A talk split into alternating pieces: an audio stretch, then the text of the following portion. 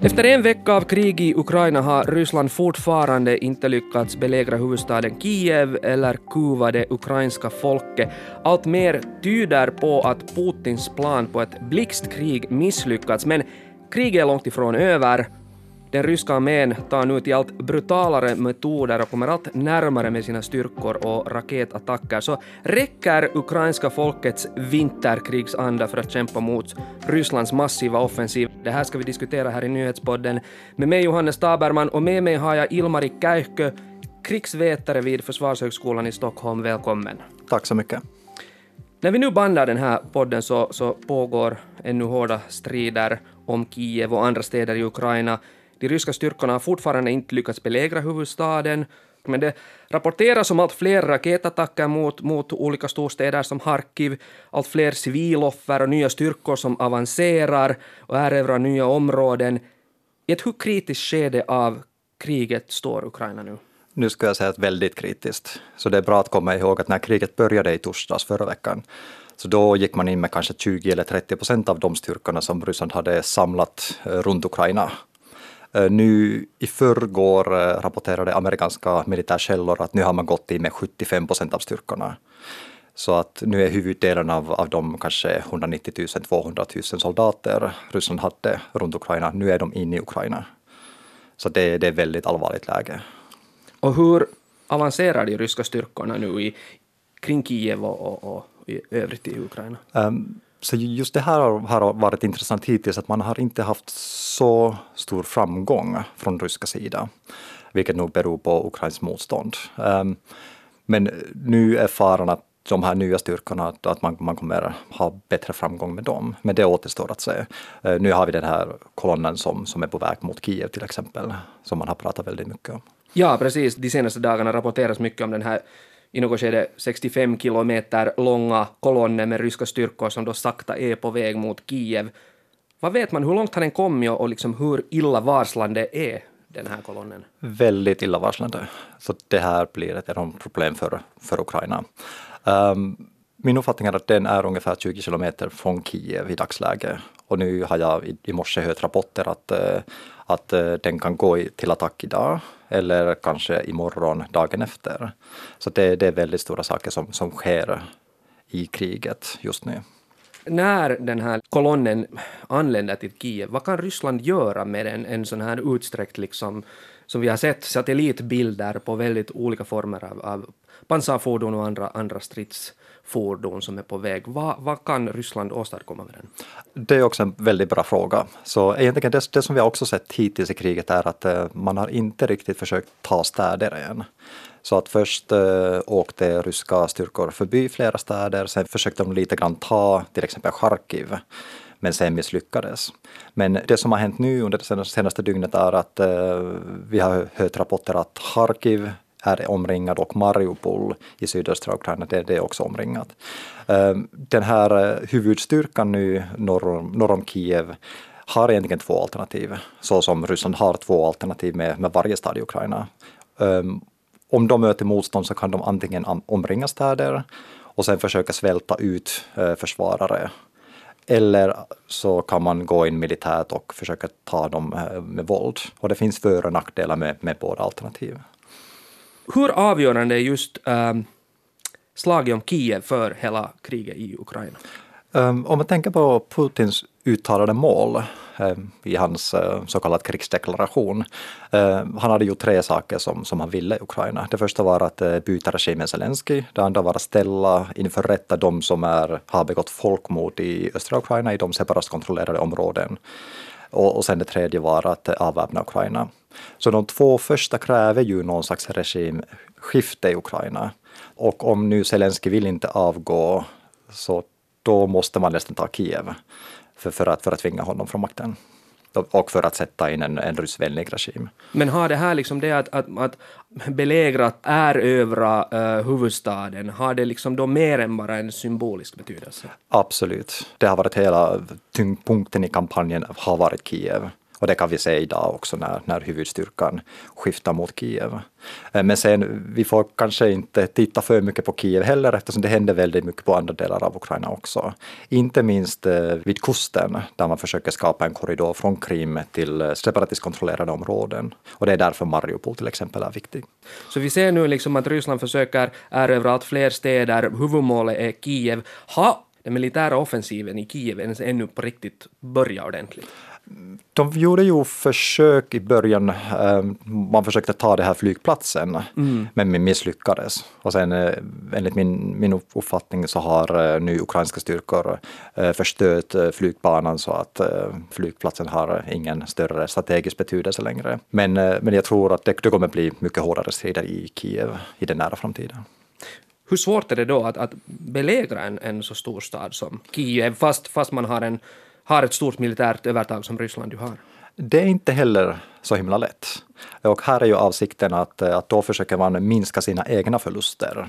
Att försöka ta en stad eh, som är försvarat, det kommer bli väldigt kostsamt för Ryssland. Ehm, nackdelen är att det kommer ta mycket, mycket längre tid. Och då är frågan, har Putin den här tiden? Eftersom eh, det här kriget har också skapat inrikespolitiska problem för honom. Och när kostnaderna ökar så kommer nog de problemen också öka. Så att eh, han brottas nu med den här tidsaspekten, att eh, han vill eh, få slut på kriget så fort som möjligt, men samtidigt, det får inte kosta allt för mycket heller. Och det här är hans dilemma, som han, eller som ryska strateger inte riktigt tänkt på tidigare, men som de nu måste lösa på något sätt. Om, om liksom Rysslands strategi har varit att, att ta över Kiev och för att eh, sätta på plats en, en, en ny egen regim där, men har ett sönderbombat Kiev något värde för Ryssland? Kanske inte, men som sagt det är, det är det här motståndet som är problemet nu. Och ett sätt att bli, försöka bli av med motståndet är att bombardera motståndaren tvinga motståndaren att helt enkelt ge upp. Eftersom eh, det är inte bara ryska förluster som vi pratar om, det är inte minst ukrainska förluster för ukrainska försvarare och om man nu börjar bombardera en stad, då är det förluster för den civila befolkningen. Och det är också något som Zelensky, Ukrainas president, måste också vara väldigt medveten om att eh, han försöker givetvis minska alla förluster för sin egen sida. Eh, för både vanliga medborgare och sen armén och de här volontärerna som han nu tagit till vapen. Hur stor är just president Zelenskis betydelse för kriget? Jag menar, hur viktigt är det att, att han hålls kvar i Kiev och hålls vid liv för den delen? Det känns som att eh, han har blivit en, eh, en krigstid ledare på riktigt. Så Zelensky han har verkligen blivit en symbol, en viktig symbol för Ukraina. Och det är intressant eftersom eh, det var många, väldigt många, kanske majoriteten av ukrainare som var kritiska mot honom före kriget. Men nu under kriget han har verkligen eh, eh, stigit upp som, som en krigsledare. Och eh, mina bekanta i Ukraina som varit kritiska mot honom, de hyllar honom idag. Så att jag skulle säga att han är väldigt viktig. Och återigen, just de här Putins målen, uttalade målen, eh, de syftar också på Zelenskyj och hans regim. Så att han är också en måltavla för, för, för Ryssland just nu. Men, men eh, hur mycket hänger, skulle du säga, ukrainarnas stora försvarsvilja på att så att säga Zelensky är kvar och så att säga blåser liv i den? Jag skulle hoppas att inte särskilt mycket. Eh, så att eh, Zelensky, han kommer nog motivera ukrainska försvarare även om han blir en martyr, mm. även om han dödas. Och ja, man kan hoppas på att ukrainare har, eller ukrainska myndigheterna har tänkt på någon slags eh, succession av vem tar efter Zelensky mm. om han skulle råka dö. Så att eh, jag tror inte att det är avhängande Zelensky. Just det här är problemet med, med våldsanvändning, att det kan också stärka, förstärka motstånd. Så att eh, i, ifall Zelensky dör så det kan också göra läget värre för Ryssland. Ukrainarna har ju lyckats kämpa tappert nu i en veckas tid. Kommer den här höga försvarsviljan som en överraskning för dig? Jag måste säga nej. Det, det är bra att komma ihåg att det här kriget började 2014. Um, och då var det väldigt många ukrainare som tog till vapen. Så efter revolutionen eh, var ju ukrainska försvarsmakten, uh, det, det, var i kaotiskt tillstånd helt enkelt, gjorde inte särskilt mycket motstånd i östra Ukraina när, när separatisterna kom. Då var det frivilliga som tog till vapen och åkte dit. Um, så att det här fenomenet har funnits från början av det här 2014-kriget. Men det som vi ser idag är ehm, fenomenet i mycket bredare skala. Nu är det i princip alla som har tagit till vapen. Och eh, den här gången är ju ukrainska försvarsmakten mycket starkare, så att de försöker kontrollera det här fenomenet mycket mer. Men, men det har inte varit en överraskning, nej. Många drar nu paralleller till vinterkriget här i Finland 1939. Hur bra tycker du att den här liknelsen är? Det är bra på så sätt att uh, det är verkligen en David och Goliat situation. Och just det här uh, faktumet att om Ukraina skulle lämnas själv så då skulle man nog inte kunna vinna Ryssland. Eh, det som gör analogin eh, lite trist är ju att Finland förlorade i slutet. Och eh, det kan väl vara så att liksom i vinterkriget har Ryssland nu börjat kriget med allt för höga förhoppningar om någon sorts stöd i, i Finland eller nu, nu Ukraina. Och det här stödet har inte förekommit. Så att man har byggt sin hela strategi på en optimism som inte, som inte finns i verkligheten. Men så som i vinterkriget så då tänkte man om. Man lärde sig från sina misstag och i slutändan vann man. Uh, det, det som man måste ju nog betona här att liksom med alla historiska analogier så det finns en kontext som inte är densamma. Så i dagsläget får ju Ukraina mycket mer stöd än Finland fick under vinterkriget. Um, Sen återstår att se hur länge det här motståndet i Ukraina fortsätter. Så vinterkriget det var ungefär 100 dagar. Mm. Det här kriget har pågått, pågått i en vecka nu. Så att eh, det känns som att det är fortfarande tidigt att säga så mycket om kriget. Förutom det här att Rysslands eh, ursprungliga strategi, det har misslyckats. Varför har då det här kriget blivit det stora segertåg som Putin planerade? Vad är liksom hans största misstag? Ja, men det är precis det här optimistiska antagandet att, eh, att man skulle ha fått stöd från Ukraina. Och det stödet, vi har sett att det är massivt motstånd. Eh, det är helt vanliga människor som tar till vapen, som går och demonstrerar obeväpnat mot, eh, mot eh, ryska soldater. Så att man har byggt hela sin, sin strategi på det här stödet som inte finns. Jag har inte hört något fall där ukrainska medborgare skulle ha stödjat ryska styrkor på något sätt. Mm. Och även det är faktiskt lite överraskande eftersom man vet att det finns splittringar inom ukrainska samhället. Och det är väl Putin som har skapat den här nationalkänslan i Ukraina med det här första kriget. Och på sätt och vis han förvärrar ju situationen nu genom att, eh, att attackera Ukraina igen. Den här känslan har blomstrat upp och blivit mycket starkare. Mm, precis. Eh, eh, det har rapporterats mycket om, om ryska arméns logistikproblem, om ryska stridsvagnar som har stannat på vägen utan bensin och unga ryska soldater som irrar hjälplöst omkring. Fundera, hur är det möjligt, om det här verkligen stämmer allting, men hur är det möjligt att det, man har misslyckats också med sånt här? Det här är faktiskt lite överraskande eftersom eh, man har väl reformerat den ryska militären under årtal. Och nu ser vi slutresultatet att det verkar vara mycket sämre än vi förväntade oss. Samtidigt, eh, det är mycket sånt här information som kommer från ukrainska källor eh, och till och med de här videorna som man sprider på nätet, det är ett urval av det som händer i Ukraina. Vi, vi ser inte särskilt många videor om, eh, om vanliga strider till exempel. Uh, troligen på grund av den enkla anledningen att det är svårt att strida och filma samtidigt. Mm. Så att man får vara kritisk här. Uh, men detta sagt, de här logistiska problemen, de har varit överraskande. Den andra som är kanske ännu mer överraskande är de moralproblemen som ryska styrkor verkar ha.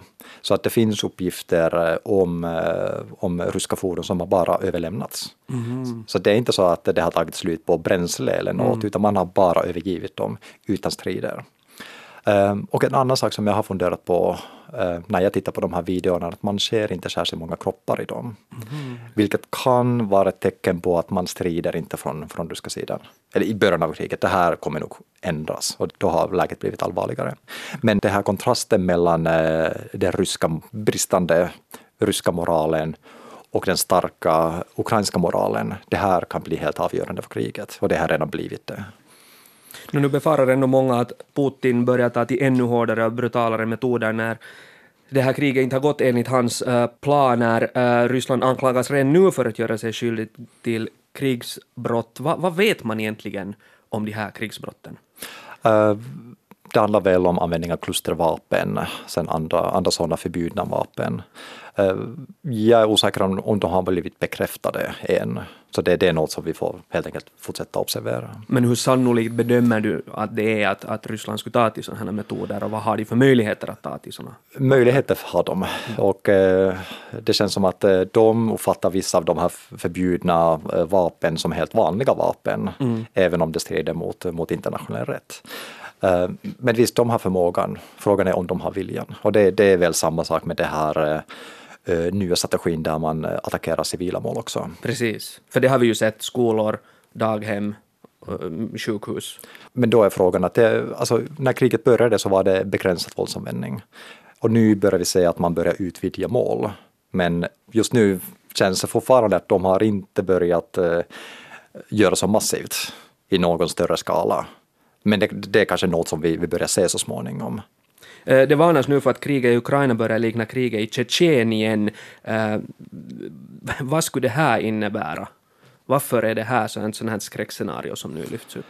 Eh, massiv förödelse helt enkelt, mm. och inklusive massiva civila förluster. Um, och det, det, skulle vara helt fruktansvärt. Men, men då är precis det här frågan att om man försöker ta städer militärt, då kan det bli likna Tjetjenien. Och frågan är om, om Ryssland är villig att, att göra så. Det vill säga att, att bomba städer och civila mål och allting exakt, helt exakt. till grunden. Mm. Vad är då nästa steg i det här kriget, tror du? Det är väl svårt att säga. Så om, man, om man tänker på krig så det är alltid en, handlar om en dynamik mellan olika parter, inte minst eh, ryska soldater och ukrainska försvarare. Men just nu känns det, som du precis sa, att eh, att eh, Ryssland kommer att eskalera våldsanvändningen och kanske även mot civila mål och inte minst civil infrastruktur. Just det här om man nu omringar städer och försöker svälta ut eh, eh, ukrainare, då kommer man nog slå ut eh, elkraftverk, eh, kommunikation, eh, begränsa ehm, transporter av allt möjligt från mat till medicin till de här vapnen som europeiska länderna skickar. De kan bli helt avgörande för försvarare också. De kommer inte göra någon nytta om de inte når ukrainska militären. Men det, här är nog det som, som vi kommer se nu. Och som sagt, uh, första steget av kriget har redan gått. Mm. Så nu är det den andra fasen som, som vi så, så, småningom observerar nu. Men kan den här offensiven, liksom det här kriget, ta slut lika snabbt som, som, som det börjar eller har vi framför oss någon form av utdraget gerillakrig inne i Kiev och de andra städerna? Det är också svårt att säga, men just det här ukrainska motståndet tyder på att ukrainare kommer inte ge upp eh, så lätt. Och eh, det, det gör det väldigt svårt för mig personligen att se hur kan Putin lyckas politiskt. Militärt eh, har han mycket mer resurser än Ukraina har. Men hur vinner han politiskt på det här? Det, det, har jag svårt att se. Men eh, nu känns det som att det är två saker som Putin kan göra. Han kan börja förhandla eller så kan han eskalera kriget. Och givetvis förhandlar man vid sidan av eh, krigseskalering eftersom även det här kriget kommer sluta någon gång i framtiden med någon slags eh, förhandling och någon slags fred. Men vems fred blir det, det återstår att se och den är helt beroende av den militära situationen. Ilmari Kähkö, krigsvetare vid Försvarshögskolan i Stockholm. Tack för att du kom hit och, förklara nu vad som sker där i Ukraina. Tack så mycket. Du har lyssnat på nyhetspodden från Svenska Yle med mig Johannes Taberman. Ami Lassila är producent, Anne Heikkilä skötte tekniken. Fortsätt lyssna på oss.